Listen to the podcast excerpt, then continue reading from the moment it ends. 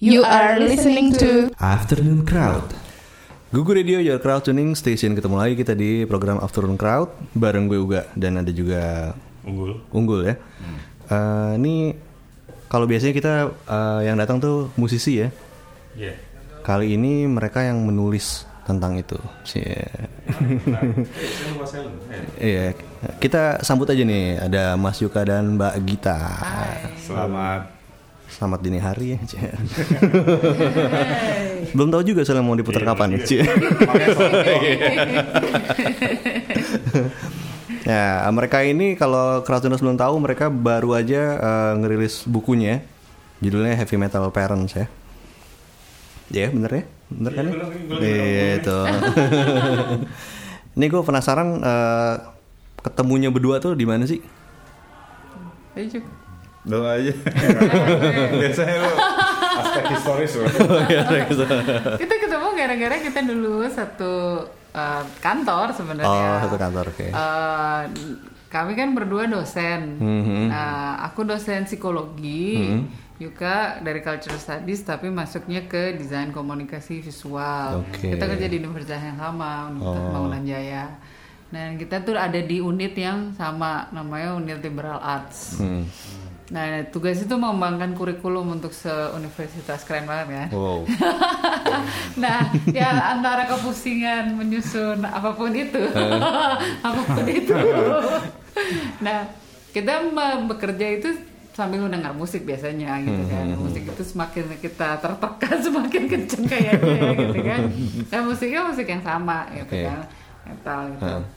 Nah, eh, setelah sekian lama ngerjain, kemudian di kantor tuh biasa kan kalau di Kalau dosen universitas ha- oh, punya kewajiban melaksanakan tridharma perguruan tinggi, pendidikan dan pengajaran, penelitian, Dan pengabdian masyarakat. masyarakat. Oke. gitu. Nah, buku ini sebetulnya eh, menjawab salah satu poin dari tiga tugas utama tiga dosen. utama dosen Iya, itu, iya. which is penelitian. Jadi suatu hari ada ada call for, for proposal buat penelitian internal, ada grant berapa ya? Pokoknya ada grantnya lah Ya, gitu waktu itu. lumayan lah. Lumayan, so ki- kita kami berdua apply karena disarankan sebaiknya lintas disiplin. lintas disiplin. Dan kebetulan nggak ada, kita doang yang lintas disiplin. Iya. Yang lainnya per, per, per program studi. Nah, terus somehow tembus kita. Jadi Hmm. dari apa hibah yang uh, kita ajukan proposal terus tembus itu. Kan sebenarnya sampai hari ini gue juga kadang-kadang suka bingung kok bisa tembus ya. ini kan ini kan gitu kan. Nah, memang jadi penelitian itu merupakan kombinasi dari dua disiplin ilmu. Nah, kita ketemunya di titik identitas itu. Ya. gitu. Hmm, Oke. Tapi berarti dua-duanya suka metal ya berarti ya? Metalhead nih ceritanya.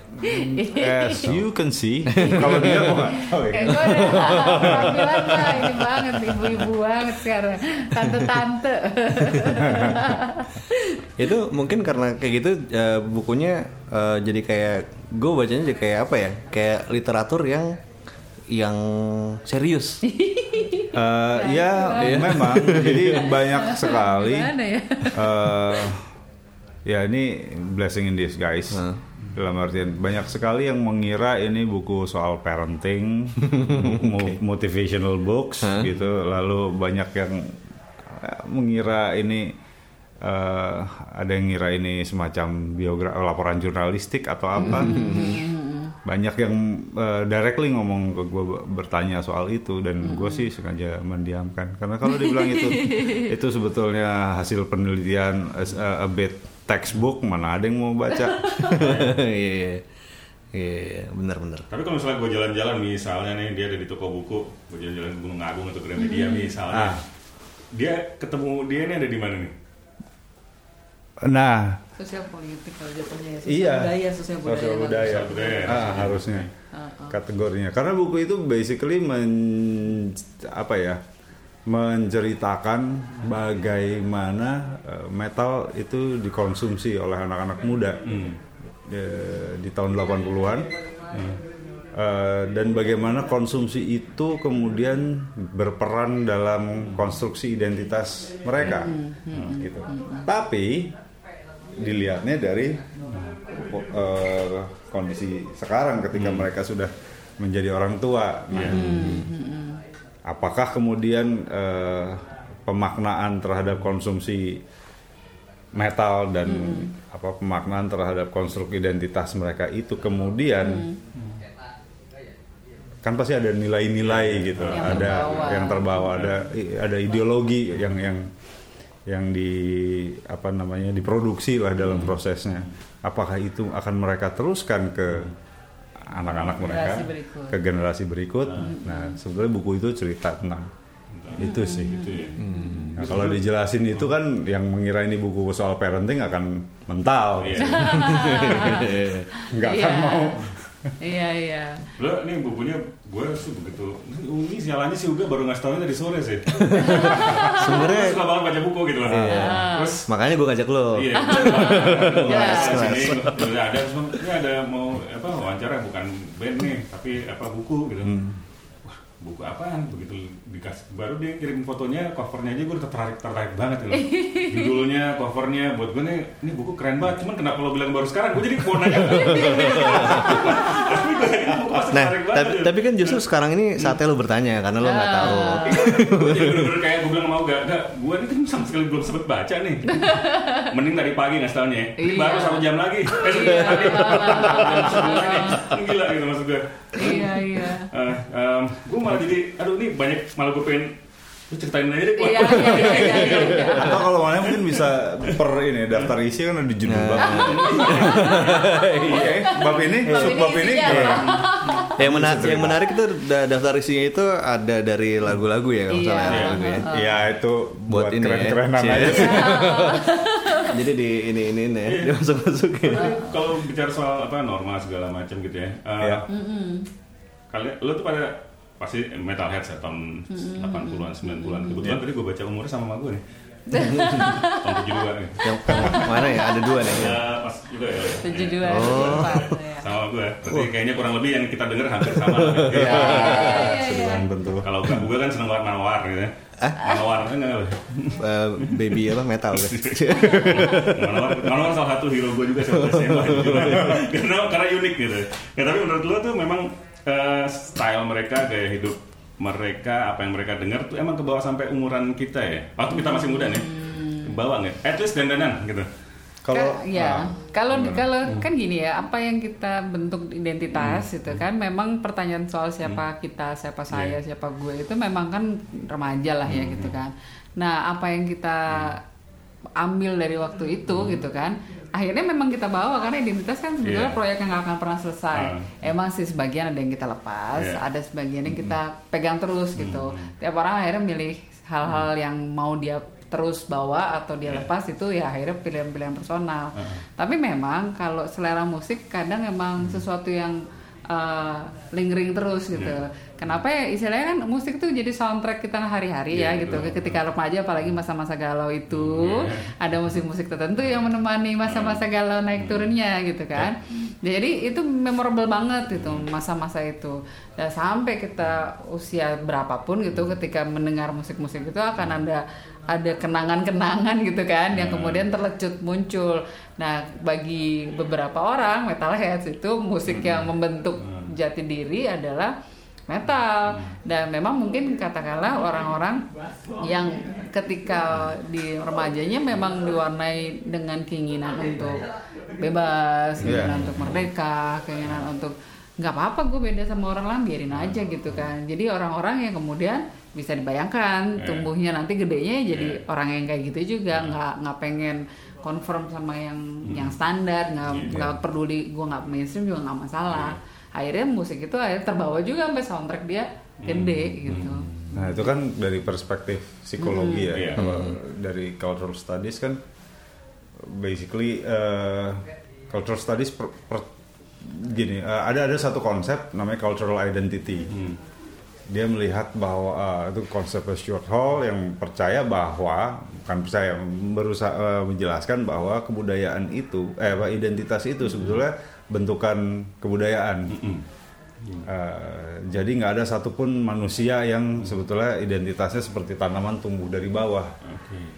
Nah ini persis seperti yang kita bilang gitu sebenarnya bahwa, bahwa pada akhirnya media yang dikonsumsi, musik yang didengarkan itu turut berperan membentuk. Nah bedanya ketika kalau di uh, perspektif cultural studies dia terikat sekali pada ruang sosial, terikat sekali pada pada aspek materialitas si manusianya yang yang mengalami itu sehingga ketika kalau di psikologi kita cerita soal memori, kalau di cultural, cultural studies akhirnya ini jadi memori kolektif kan. Oh, iya. Ah.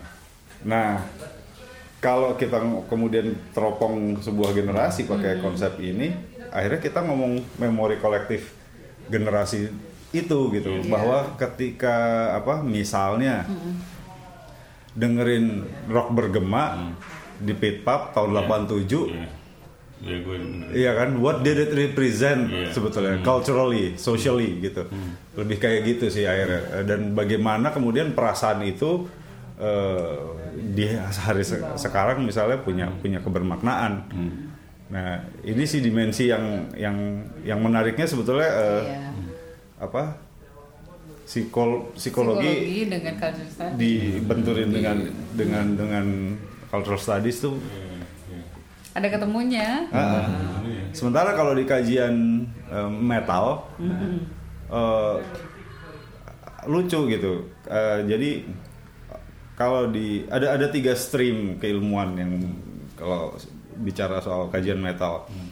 Biasanya etnomusikologi. Etnomusikologi biasanya ha- berusaha untuk menjelaskan bahwa ini metal adalah warisan kebudayaan yang layak diteliti. Psikologi biasanya sibuk menjelaskan Ya, agresivitas, Ah, gitu. bagaimana Apakah mengaruhi itu- pada perilaku-perilaku yang destruktif. yang benci sama metal berusaha Iya. membuktikan itu, yang dulunya anak metal berusaha membuktikan bahwa itu tidak. Cultural studies sibuk banget ngomongin eh, bahwa metal itu represent eh, ideologi dan ideologi itu selalu kemudian ujung-ujungnya ini mere- merepresentasikan perlawanan generasi gini-gini. Dan ini jarang yang eh, di kajian metal internasional juga jarang yang merajut ini bareng. Nah, terobosan ilmiahnya sih sebetulnya kami berusaha merajut itu Iya. bareng walaupun belum berhasil berhasil amat ya gitu karena it took us only a year Iya. untuk melakukan semua gitu. Ya, penelitian ini kan memang dasarnya penelitian. Penelitian Iya. dilakukan dengan dua orang dari su- sudut pandang yang Berbeda. berbeda, harus tapi satu semester kelar gitu. Ah, gitu. ada macam-macam lah dan juga ngurusin keuangan ya Ah. laporan bon-bonnya gitu kan gitu sambil ngajar gitu kan ya apa yang kita bisa lakukan kita bisa lakukan lah ya gitu kan dengan menyatukan dua sudut pandang ini memang ketemunya di titik namanya identitas itu. Hmm, oke, oke. kita ngelihatnya dari psikologi ngelihatnya juga dari culture studies. Ada irisan yang sama ada hal yang sama tapi labelnya beda. Ada hal yang sama tapi kemudian ini nariknya ke uh, keluarga ini nariknya ke sosial kultural lebih gede gitu kan. Akhirnya tarikan-tarikan itu sebenarnya kalau bisa dirajut sebenarnya memang saling melengkapi sih dan pertemuan dua disiplin ilmu itu selalu menurut gue sih menarik gitu kan. Nanti Iya, akan ada ada Iya. benturan maupun ada adukan baru gitu sebenarnya. Dan ternyata apa ya memang apa ya orang kadang-kadang udah nyaman dengan disiplin ilmunya sendiri dia juga bertemu dengan orang berasal dari disiplin ilmunya Sama, sendiri yang ngoblok-ngoblok ngoblok-ngoblok om saya gitu-gitu terus padahal kemajuan itu kan di frontiernya kan ketika satu ilmu ketemu yang lain di situ ada temuan-temuan baru dan di situ Ya. kemudian ada uh, muncullah pendekatan baru temuan baru uh, sudut pandang baru dan macam-macam Ya. gitu. Oke kita break bentar nih. Baru mau nanya. Tahan dulu, banyak lo pasti banyak pertanyaan ya. Tapi kita break bentar, kita akan balik lagi di Afternoon Crowd masih ngomongin tentang buku Heavy Metal Parents. You are listening to Afternoon Crowd. Crowdtuners kalau malam minggu kalian nggak ada acara di tanggal 15 September 2018, datang aja ke acaranya SMA Lab School Kebayoran Jakarta. Mereka bikin Sky Avenue 2018. Yang manggung banyak banget nih. Ada Silon Seven, Johnny Stimson, Discoria 420, Matter Hello, Malik and the Essential, Run, sama Hi-Fi. Nah, kalian pasti udah gak sabar nih buat joget-joget sama nyanyi-nyanyi bareng nih ya. Udah langsung aja kalau gitu beli tiketnya di website mereka di www.skyavenue.id atau line mereka di @skyavenue_ticket. Balik lagi di Afternoon Crowd. Mungkin ada sound-sound efek tadi ya. Kita masih usia nih gue. masih di masih ngomongin tentang heavy metal parents ya. Gue ada lagi pertanyaan yang mau lo ini gue. Banyak sih tentang. Judul dulu lah, judul, judul. Oh, judul. iya, Heavy Metal Parents gitu kan. Menarik sih. Um, nggak tahu nih, uh, kenapa milih judul ini sih? Sebetulnya ini pertanyaan simpel. Kalau Mike, Lu yang jawab. kalau itu. Sebut, kalau se- secara cepat sih cepet-cepetan gue mikir emang oh ini ngomongin tentang orang-orang tua yang dulunya metal. Gue mikir gitu aja sih gitu. Oke, itu mah ada ada hubungannya dengan eh, narasumber. Tapi judul asli sesuai laporan penelitian yang kami serahkan dulu ke lembaga penelitian kampus itu heavy metal moms and heavy metal dads. So it doesn't have to be parents, Yeah. pasang as couples atau Yeah. enggak moms and dads bisa individual bisa gitu kan. Iya. Uh, heavy metal moms and heavy metal dads. Terus subjudulnya adalah revisiting cultural identity formation through the consumption of heavy metal music in 1980s Indonesia. Jadi kalau pakai judul itu sih sebetulnya sangat ngok gitu. Iya. Itu mah nggak ada urusannya sama Uh, sama parenting gitu. Iya, iya. Cuma kemudian ya atas ini penerbit Mas judulnya boleh diganti nggak gitu. Biar ngejual nih ngejual. Ah, Tapi memang akhirnya memang harus ganti jualan Iya. karena banyak yang tapi emang menurut- menurut gue sih uh, Heavy Metal Parents judulnya cukup provocating juga sih. Iya. Jadi gitu, menarik banget. Terus nah kalau tadi gue ngomong jadi lupa tuh. Nah, kalau gue dulu ya. Eh, kan ini ada narasumbernya ya. Ya. Itu di kenapa disamarin sih namanya? karena kami nggak tahu ada yang ada yang Ada memang yang- bersedia Heeh. tapi ada juga yang enggak dan jujur teknis nih kami nggak sem- apa ya nggak semuanya kami sempat konfirmasi gitu Oh. konsen Oh, ya iya, iya. nggak ada konsen form yang oke lo nanti kalau ini akan karena kita juga waktu itu nggak ngebayang bakal ini ini bahwa ini akan terbit kalau aja selesai gitu. jadi ya udahlah gitu Iya, supaya praktis udahlah, dead blanket aja, Ah, ah. semua langsung dibikin nggak ada identitasnya. Paling nggak kan etikanya udah gitu. ah, ah, gitu Gitu. Tapi sempat susah nggak nyari namanya lama nggak? Oh ini namanya ini aja ya. Enggak sih karena namanya hanya eh, apa eh, Cap kayaknya gitu. eh, atau kalau yang nama baptis jelas lah namanya segini ambil aja nama baptisnya gitu kan. Potong aja. ambil aja gitu tapi intinya sih emang eh, ya itu. Ada ada beberapa narasumber yang ya kok gue nggak disebut? Dan gua Oh, Merasa pengen. merasa kepengen lah. Nggak tahu gitu. Iya. Soalnya tadi jadi, jadi sempat kayak nebak-nebak gitu. Ah, Cie. ini kayaknya kayaknya Iya. gitu. Iya iya itu bikin kejadian bikin juga sih. trivia aja di sosmed Cie. Siapakah? atau kuis. dia? Subjek pertama. Udah dia buku. Gue udah masuk nebak-nebak itu kan, gue nebak-nebak isi buku. Berapa nih apaan sebenarnya? gue tuh terakhir kalau cerita sedikit gue terakhir Hmm. nonton uh, konser metal dari luar negeri itu Hmm. Napalm Death itu tahun 2000 Delapan. lupa. 2008 ya? Dari yang di mana? Senayan. Sini kan? Bul- ah, bukan Bulungan so Senayan Senayan sini nggak salah. Napalm Death. Bareng Purgatory waktu lah nggak salah. Oh sebelumnya berarti? Sebelumnya ya sebelumnya nonton situ. Dan gue ngeliat gue bilang wah ini gue kayaknya udah nggak kuat ajuruk-ajurukan nih nonton agak jauh ternyata yang datang tuh banyak seumuran teman Iya. kita lah gitu Iya. kan. Iya, iya, iya. ada yang bawa anak segala macam gue ini konser metal paling tenang yang gue pernah nonton Iya. gue bahagia jujur aja gue bahagia Iya, iya, iya. Nah, di depan ada crowd kecil yang masih pada muda-muda tuh eh, mereka pada headbanging segala macam gitu ya. Eh, habis itu gue skip lagi, eh, jarang nonton konser. Nanti insya Allah Oktober mau nonton Megadeth gitu kan Oke. di Jogja gitu. Nah, Desember? eh, eh, Oktober, Desember ini ya. Siapa? Desember ada. Oh Jupri iya. Jadi nggak sih Boyolali itu ya? nggak tahu pokoknya Judas Priest Desember tanggal 7 kalau nggak salah. Oh iya? Nah, Kan gosip-gosipnya di Boyolali itu kan setelah Europe kemarin Iya, sukses atau di Berang- mana pun berangkat. Iya, iya, bener. Tuhan Rob Halford bersabda. Nah terus gue ngeliat ngeliat eh, ngamatin dikit-dikit juga sih emang akhirnya eh, oh berarti gue dong yang mungkin udah kehabisan energi atau segala macam. Iya. Atau jangan-jangan gue nggak tahu behavior yang kebawa banget itu apa? Bener-bener di lapisan dalam gue nggak tahu istilah akademisnya apa ya. Di lapisan dalam benaknya dia atau misalnya kayak di kantor dia cenderung rebel apa segala macam. Tapi nampilnya kalem juga gitu segala macam. Itu teman-teman gitu kayak kebanyakan kayak apa tuh kayak orangnya gitu. Pada akhirnya memang stereotype itu yang yang ada Iya, gitu bahwa betul. bahwa ada beberapa narasumber kami yang memang datang dari background yang maksudnya eh, ketika dia datang pada saat itu dia sudah mapan gitu. Pasangan suami istri.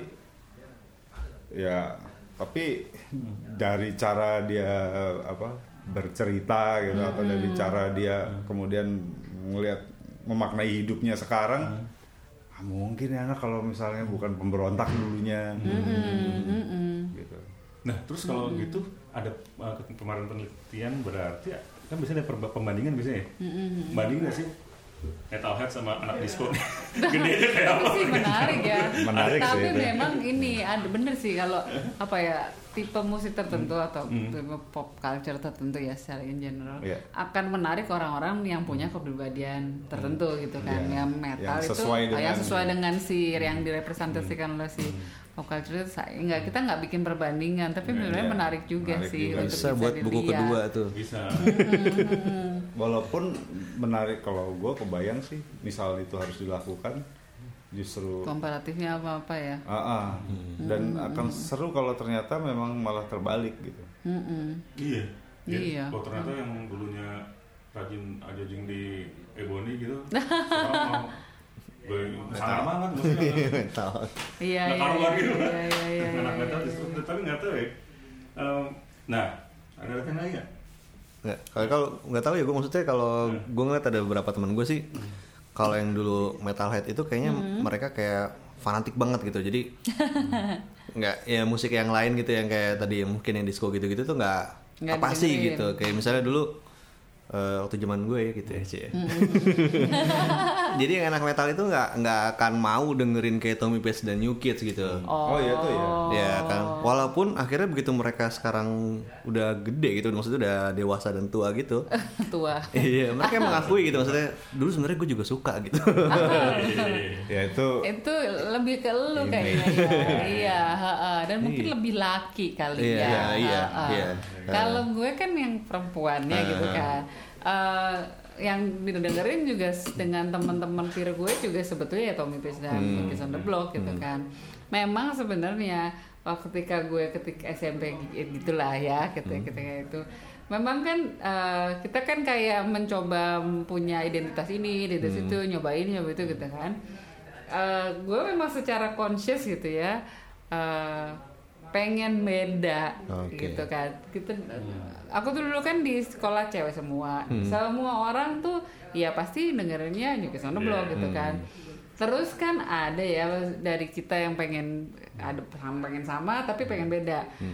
Gue tuh pengen beda gitu kan. Di hal yang itu gitu kan. di hal pilihan musik itu gitu kan ketika itu yang laki gitu kan dengerin metal gitu kan. Terus ah ya udah gitu kan. Kenapa enggak? gitu. Jadi dari pilihan-pilihan identitas itu gue milih untuk menjadi unik di situ. Tapi sebenarnya ya memang ada fasenya di mana sebelum gue membuat pilihan itu gue dengerin on the Block juga gitu apa iya. dan ya gitu jadi nggak ada nggak ada ini. Ah gue kan memang nggak nggak nggak terlalu gitu. Paling nggak nggak sekuat itulah gitu. Kalau yang pada laki mungkin jauh lebih kuat gitu kan Iya. resistensinya Iya. pada hal-hal kayak gitu. Mungkin kalau di kayak yang gue alami eh, lebih ke ini. Kalau gue sebagai pribadi gue dengerin musik itu gue lebih bisa menyebut yang gue nggak suka ketimbang yang gue suka saking banyaknya. Gitu. Oke. Eh, album Teresa Teng gue lengkap loh. Gitu. Eh gue dengerin Keith Jarrett. Gitu. Sampai pada saat itu ya gitu. Napalm Death Brut, eh, Terrorizer misalnya itu yang paling brutal gitu. Brutal truth ah, yang macam. Iya. tapi mm, kesamaannya dengan kita adalah ininya tuh ya gue kepengen mendengarkan musik yang memang eh, sesuai dengan eh, ini gue pada saat itu gitu apa apa ya eh, standpoint gue pada saat itu gitu. Ketika gue misalnya dengerin jazz ternyata juga bukan jazz yang foreplay yang gue dengerin. Iya. gitu. Ya. Benar. gitu kan. Gue dengerin koleksi ECM Iya. wah, ya kayak gitu gitulah ketika gue konform eh, jadi konformis eh, mendengarkan eh, waktu SD akhirnya dengerin gue Madonna eh, yang album. Iya. zamannya Crazy for You itu menurut gue keren banget. Tahu gara-gara apa? Karena ternyata dia dengerin Johnny Mitchell dan gue ngefans banget sama Iya, Johnny iya, Mitchell. iya, gitu. iya, iya, Maksudnya, iya. eh, metal belajar dengerin metal itu ternyata ngajarin gue untuk melihat connections dot dan mem- mem- apa membangun resume dari segala macam musik yang gue dengar di sini gitu kan. Gue dulu kecil berangkatnya sebetulnya dari progressive rock. Gue dari kecil banget ter terkena racun klasik rock progressive rock bahkan gitu.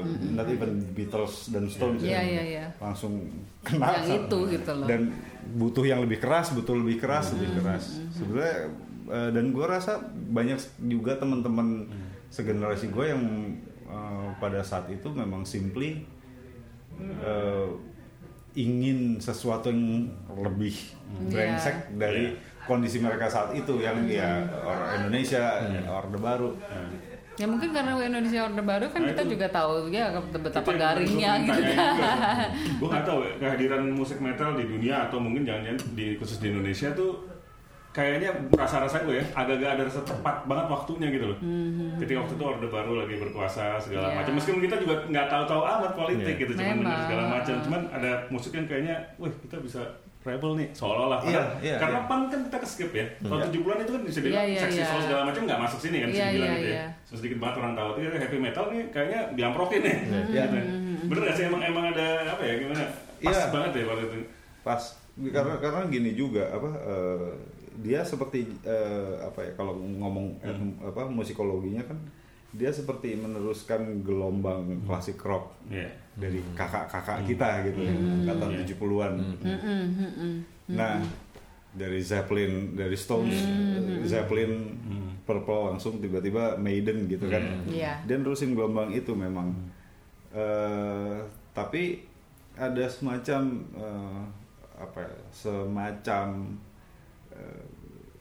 perasaan kolektif gitu di saat itu bahwa kita ini memang nggak bisa berbeda kan? Di zaman Soeharto tuh Iya. sangat sulit gitu untuk untuk menunjukkan bahwa kita nih beda loh. Iya, Dan itu zaman garing-garingnya banget deh hidupnya. Nah, nggak kebayang kayak kita di sekolah di Di sekolahnya yang itu yang iya, memang semua itu. dan sangat masuk akal gitu bahwa menjadi melawan dengan mendengar mendengarkan musik tuh jadi sebuah mekanisme perlawanan itu. Perlawanan. Iya. Nah, itu yang membedakan mungkin generasi yang ini dengan yang angkatan 90-an yang berhasil bikin scene. Iya.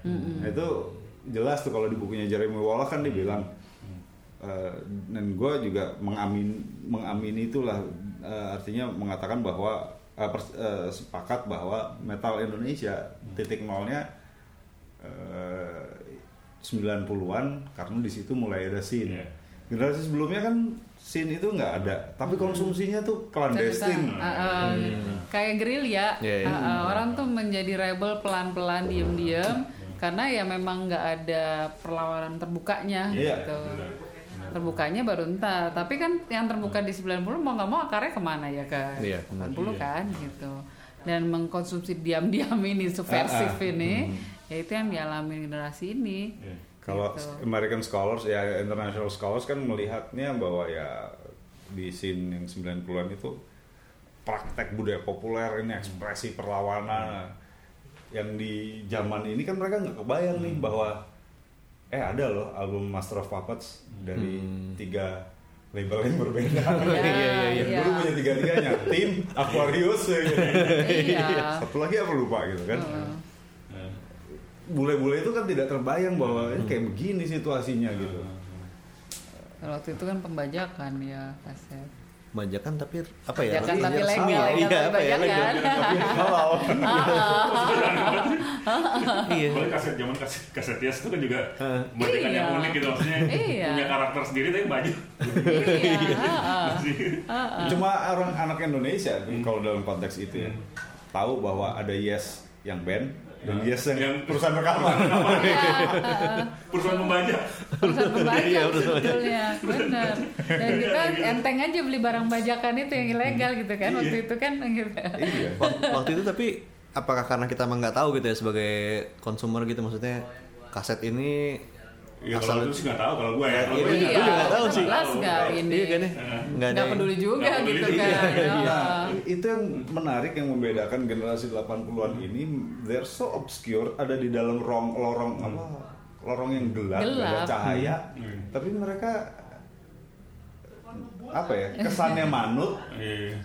Iya. tapi jalan setapak iya. setapak demi setapak mereka ngelawan gitu Iya. kayak gue dulu gue inget banget beli Iron Maiden pertama kali kenalan album eh, Killers keluaran Rockshot apa Rockline Rockline. Rockline Rockline aja. Rock, iya tapi Rockshot dulu merah bawahnya ungu Iya, iya, lah, iya. gitu kan untuk berapa tahun gue nggak pernah kebayang mukanya eh, mereka tuh kayak apa Iya.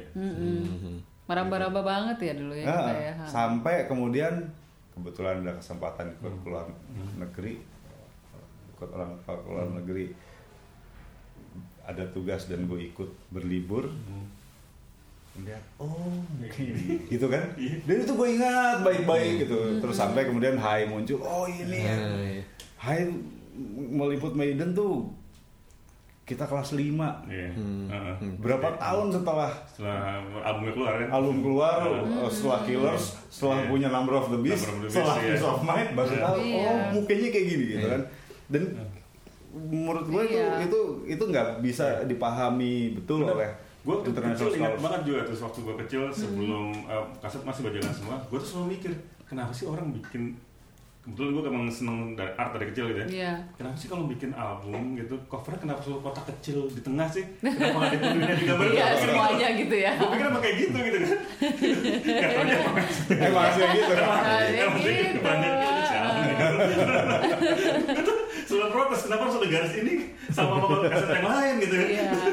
Gua Kan ya, kita taunya emang cuma itu. Iya, dunia iya, nggak iya. punya alternatif itu gitu kan. Dunia tanpa alternatif gitu kan yang kayak gitu. tapi yang menarik kan akhirnya anak-anak Indonesia ini dalam situasi seperti itu mereka punya pemaknaan sendiri Iya benar. gitu gue ingat betul SD gue dulu gue kenal Metallica sebetulnya Ride the Lightning duluan itu baru keluar Eh, lagi-lagi kaset keluaran Rockshot wah ini apaan gitu? Lebih keras dari Maiden. Oh empat orang. Dan terus eh a long time gue menggambar. Juga gitu dan gue gambar. Gue mengimajinasikan sendiri Metallica Iya. versi gue gitu kan? Yang ternyata pas ngelihat di Rubino ketemu Hit Parader oh ini gitu oh ya nggak beda goceng gitu kan Ini gue juga ada apa? Ada kayak dulu waktu gue lihat di high gitu ya, Terus yang yang hard rock hard rock gitu sih kayak Warren Poison gitu kan ada di bahas Iya, situ ya kan. iya. Wah ini sangar sangar gini ya gitu. Terus di radio gue denger Heaven, terus Iya. bilang ini yang apa? Yang nyanyi Warren nih gitu. Kok ada dua ya? Band. Ini. Ya. yang satu lagunya slow gini. Ternyata sama. Ngomong-ngomong gitu ngelanturnya gue jadi gue nggak suka Halloween sampai sekarang tuh. Halloween. Gara-gara tuh nggak apa? Pertama gue terpaparnya windmill oh gini Terus kan dibalik gitu kan balik lagi Walls of Jericho itu, nah lagi-lagi rock shot. Iya. Kalau gue kenalnya pertama kali itu kan, Kai Hansen, rock shot. Ih, sangar banget nih Right to Sky. Jadi, oh ternyata band Jerman ada yang keren. gitu. Itu keren banget bro ya.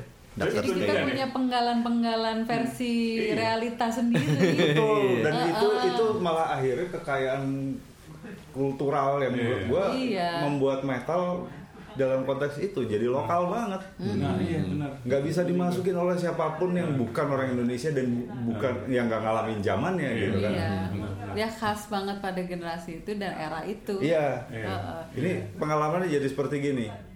Eh, eh, kita gimana pun tetap ngalamin Doraemon gitu. Iya. Waktu SM, kita SMA ngalamin Doraemon.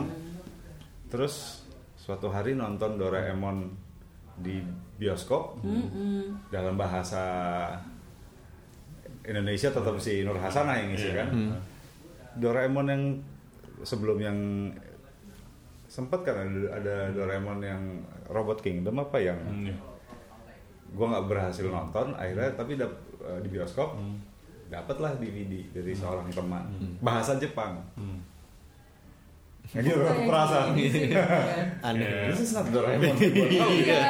nah perasaannya macam itu gitu. Dia jadi sangat lokal. Sangat lokal ya Ah, ah. Dan kita kalau ada ruang kosong kita isi dengan imajinasi kita. Betul. Iya. Iya, Kita iya. berusaha menafsir-nafsirkan Ah. gitu kan iya. Iya. Dan akhirnya mungkin jadi beda beda banget gitu Beda. kan sama, Sama kayak versi itu mungkin ya. orinya. kayak, kayak Asterix kali ya. Iya. ya Begitu begitu nonton filmnya juga, Ah, oh, ah, Asterix gini. Oh, gitu. Iya. Kasihkan ah. baca komik Iya. Iya benar. Dan pengalaman itu kan khas banget kan Ah. gitu. Ya. Pengalaman tuh sebetulnya yang kita eh, makna itu barang istilahnya barang KW kali ya, tapi pemaknaannya tuh begitu intens Iya, gitu iya, kan. iya. Karena ketika itu masa-masa intens kita juga Iya. gitu kan. Iya. Yang ketika dibalikin ini mah bukan KW ori. Kita tetap aja KW-nya Iya. gitu ya. Karena ini yang gue tahu gitu kan. Ini bagian dari diri gue nggak apa-apa ini KW tapi ori buat gue gitu kira-kira gitu. Iya.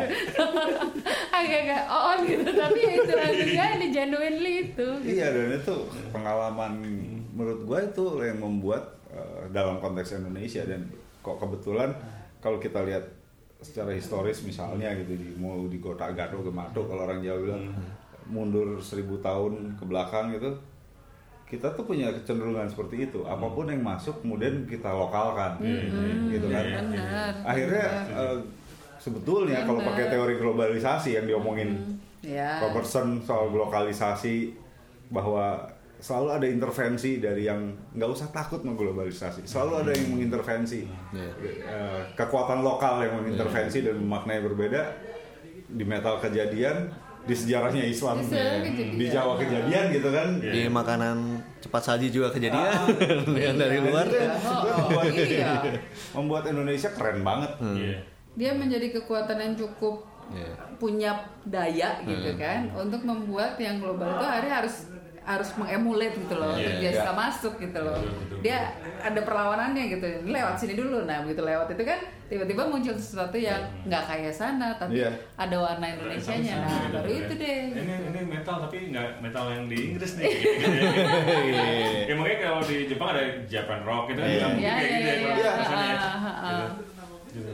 Ya, tapi nggak tahu nih setuju apa nggak sama gue nih. Kalau gue merhatiin ya dari dulu nih eh, dandanan yang paling masuk ke seluruh ras itu mah metal. Orang Iya. negro pakai Iya. dandan metal masuk. Keren. Orang Cina orang Jepang itu keren. keren. iya Gue seneng reggae juga ya. Orang Jepang segala macam dandanan reggae gimana nggak pantas. iya gue gak tau kenapa sama gue pernah bahasin sama Bin gitu sama ada sama sekarang tuh Iya. dan yang paling pas tuh masuk ke mana aja tuh cuma metal gitu. yang lain tuh kalau hip hop yang anak Melayunya sok-sok hip hop juga kan agak gak pantas gitu Nah, menurut gue nggak Ya, ya, ya. masuk, Iya, nggak masuk. bener ya sepakat ya sih kata udah sepakat. Mungkin ya karena warna hitam kali ya lebih ini tahu ya. masuk ke Benar, semua. rebel-rebelnya. juga. Gak tau jangan-jangan ada gara-gara itu juga tadi tuh udah merasuk ke, ke budayanya dia sendiri lokal jadi kelihatannya ya ini gue ruang gue ekspresinya memang gitu. jauh jauh lebih ini kan apa ruang buat mengin apa ruang mengapropriasinya jauh lebih besar gitu kalau kalau di metal gitu kan. Kayak ya contohnya ini aja lah ini kan kompromi dari kantor ah, iya. Iya, Tapi jaketnya ada tapi emblem. topinya Iya. Iya, kalau dari penampilan mah gue udah kompromi banget Ya, gitu kan, udah kan nggak akan- Eh masih pakai hitam, Nah. ya itunya, itunya nggak lepas. Iya. Ini juga Ya. pakai baju mistis. Kayak kompromi lokal nih udah lokal ini nih. Iya. Localize. Iya, iya, apropriasi Oke, Kratoners kita break lagi nih, tapi kita akan balik lagi di sesi terakhir bareng Yukan. Hah? Break karena kegerahan. Iya. Kita mau nyalain AC dulu. Jangan ke mana-mana ya. You are listening to Afternoon Crowd. Balik lagi di Afternoon Crowd masih ada gue unggul. Eh gue unggul.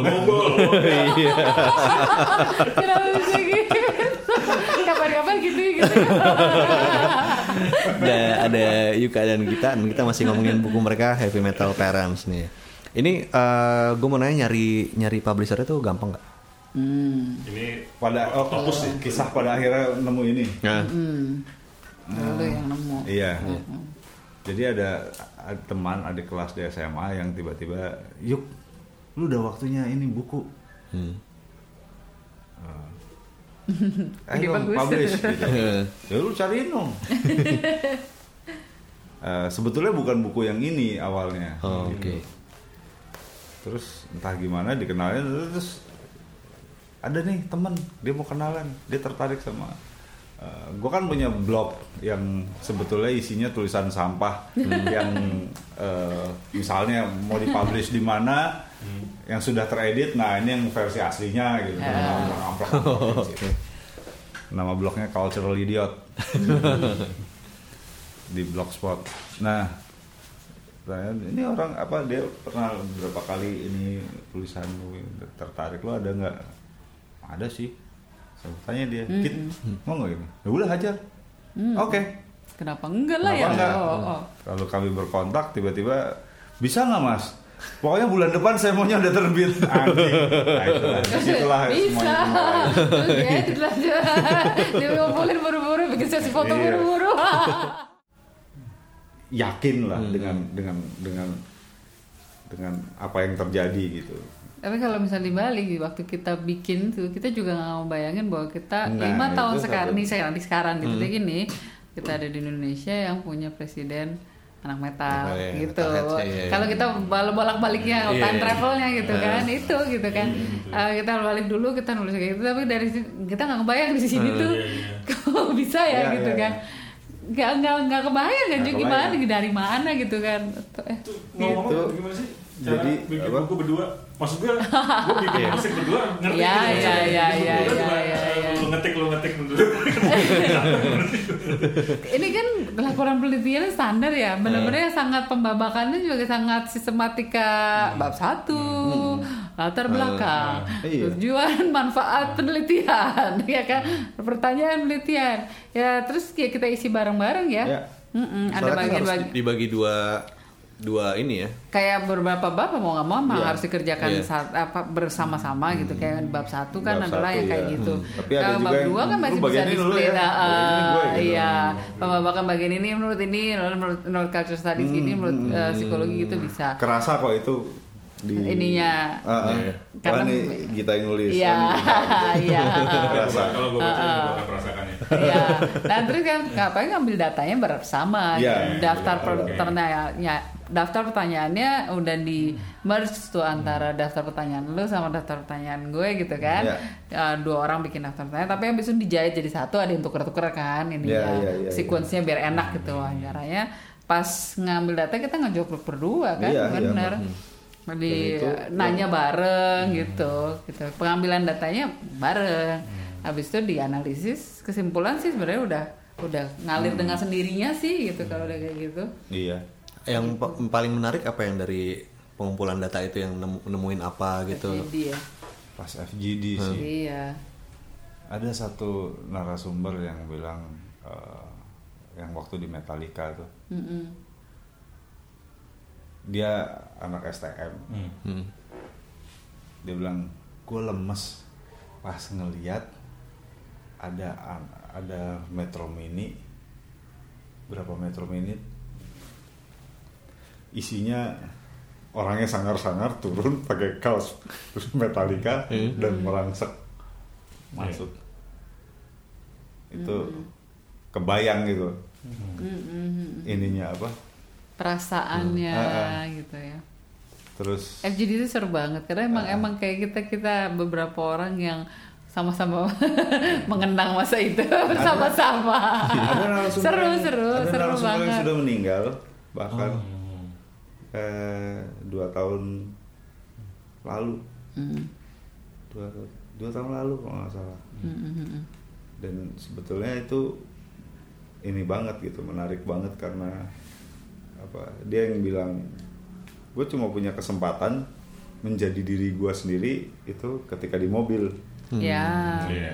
anak turun sekolah Iya. apa eh, di, diantar ke sekolah begitu turun dari mobil baru dia bisa pasang musik. Oke. sampai ke kantor ya udah gitu. Dia jadi orang kantoran lagi. Tapi in- in- di dalam perjalanan itu dia menjadi dirinya sendiri. Di dalam mobil sambil dengerin nah itulah orang jadi kayak sebenarnya gimana ya? Itu ruang-ruang orang nafas ya. Ya dari jebakan Batman kehidupan domestik gitu kan.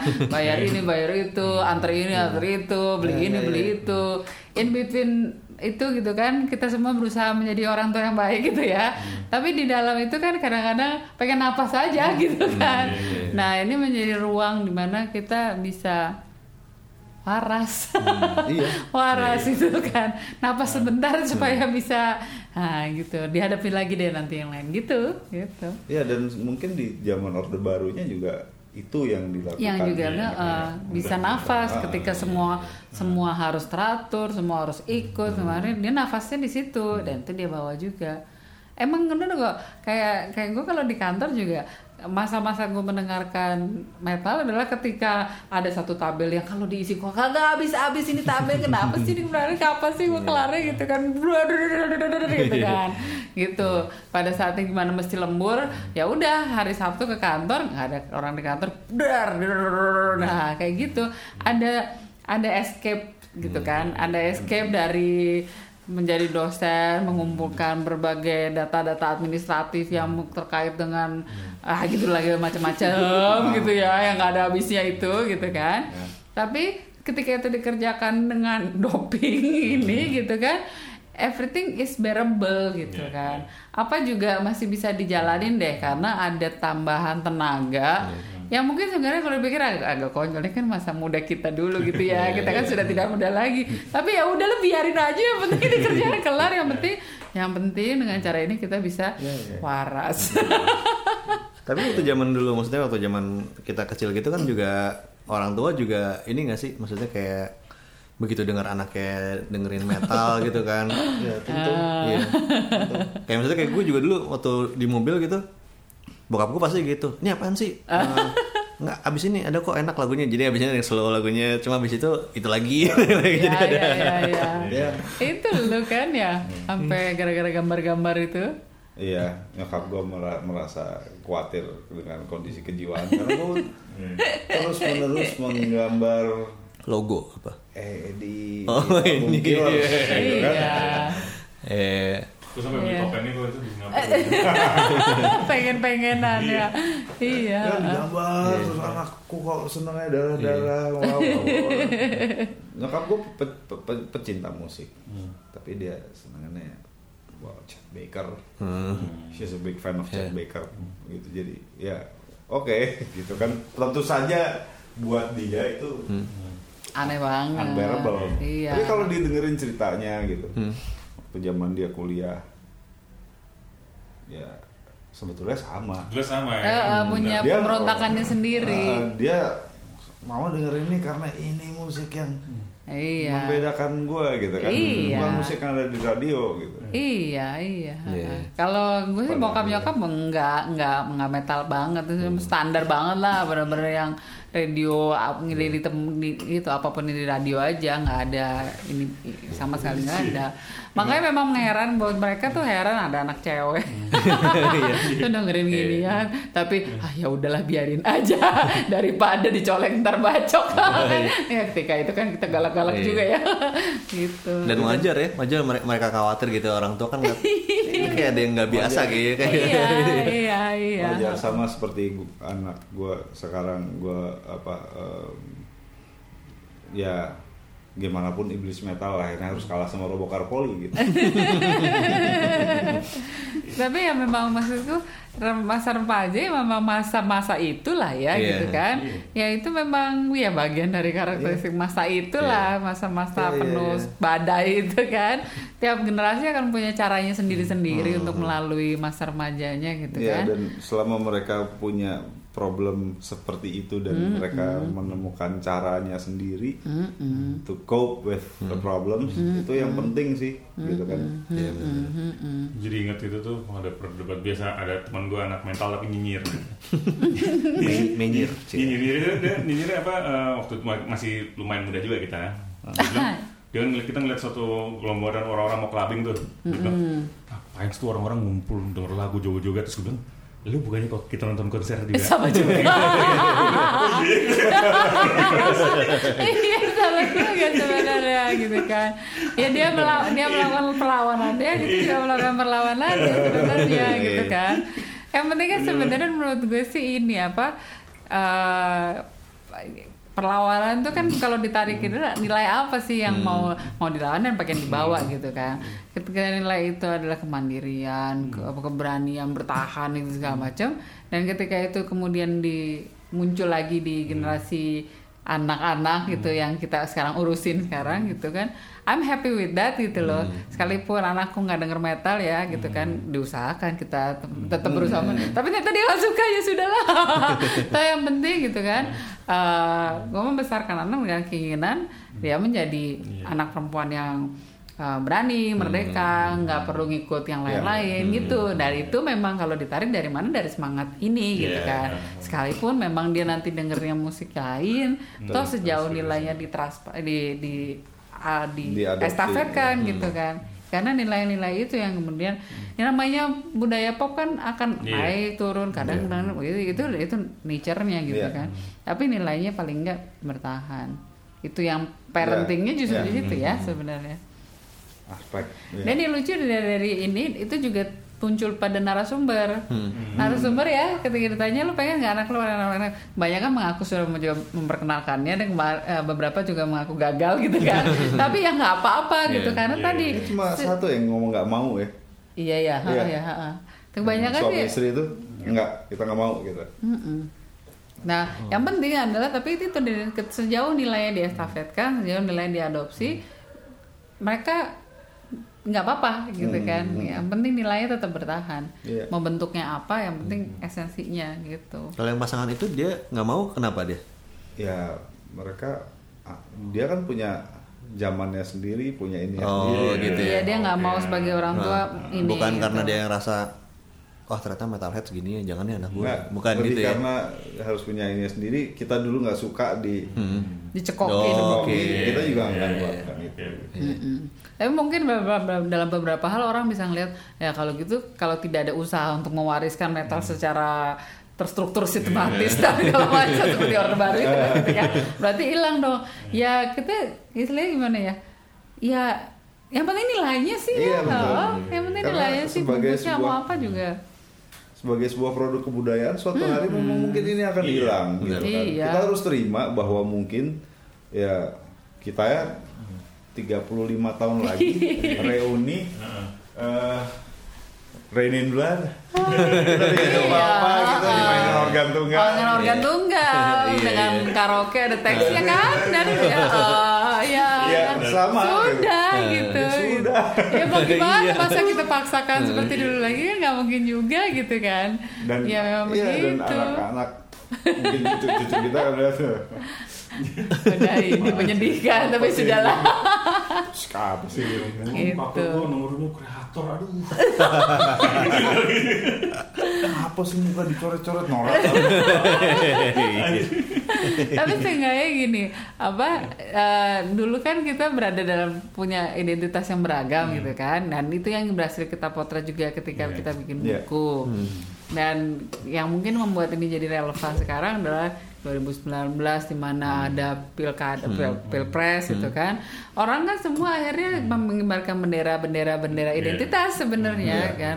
Kan ketika orang punya identitas tertentu dia akan punya preskripsi ya lo, Iya. lo harus begini maka lo harus begini begini begini karena identitas lo harus sama dengan pilihan-pilihan. Padahal kan nggak gitu. Iya. Orang punya identitas banyak gitu kan. Identitas anak metal bisa jadi mama-mama yang kayak gue gini gitu kan. yang ini, ini udah transfer belum ini udah uang sekolah udah belum ini segala benda gitu. Terus di kantor gitu ya ngajar jadi dosen yang baik, memastikan semua folder-folder ada pada tempat dengan nomor yang tepat gitu kan. Bisa gitu kan. Kalau dilihat apakah kayak kan nggak kan kayak nggak sinkron kan gitu kan. Ini kok metal gitu gimana? Tapi ya biarin aja. Iya, Itu berdamai dengan sendirinya kan diadukan yang keberagaman itu gitu kan. Jangan-jangan kalau di cultural studies malah lebih jangan-jangan memang identitas ya se se seriuh itu gitu. Iya. multi aksentual gitu emang layernya sangat banyak berlapis-lapis dan kalau di ku di on di once ya kan? Dikupas, Dikerjain, dikerjain ya.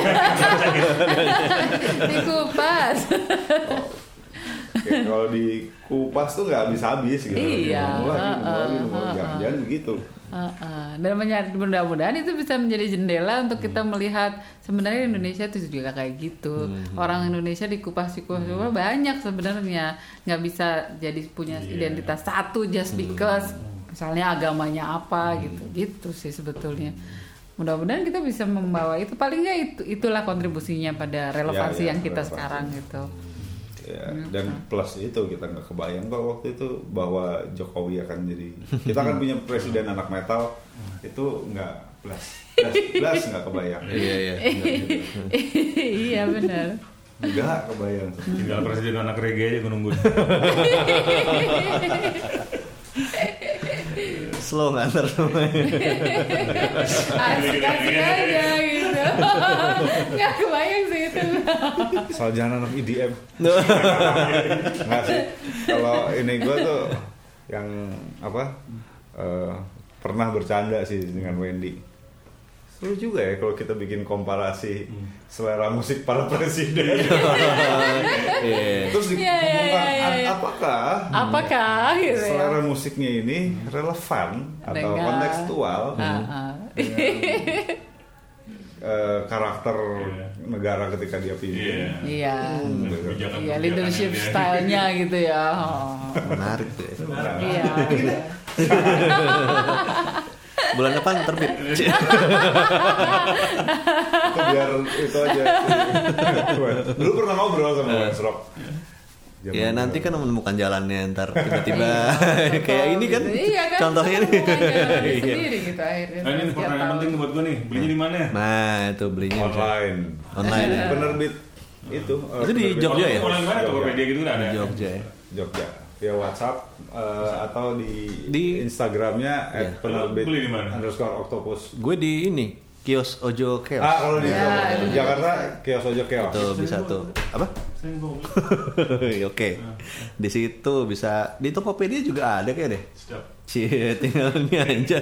oh ya Gue nemu yang Jogja itu.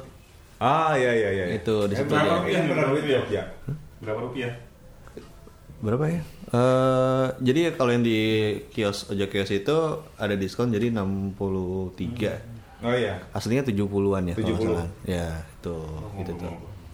Nah, terus kalau mau mau apa lebih tahu tentang banyak tentang Yuka dan Gita bisa kepoin di mana nih, Cie?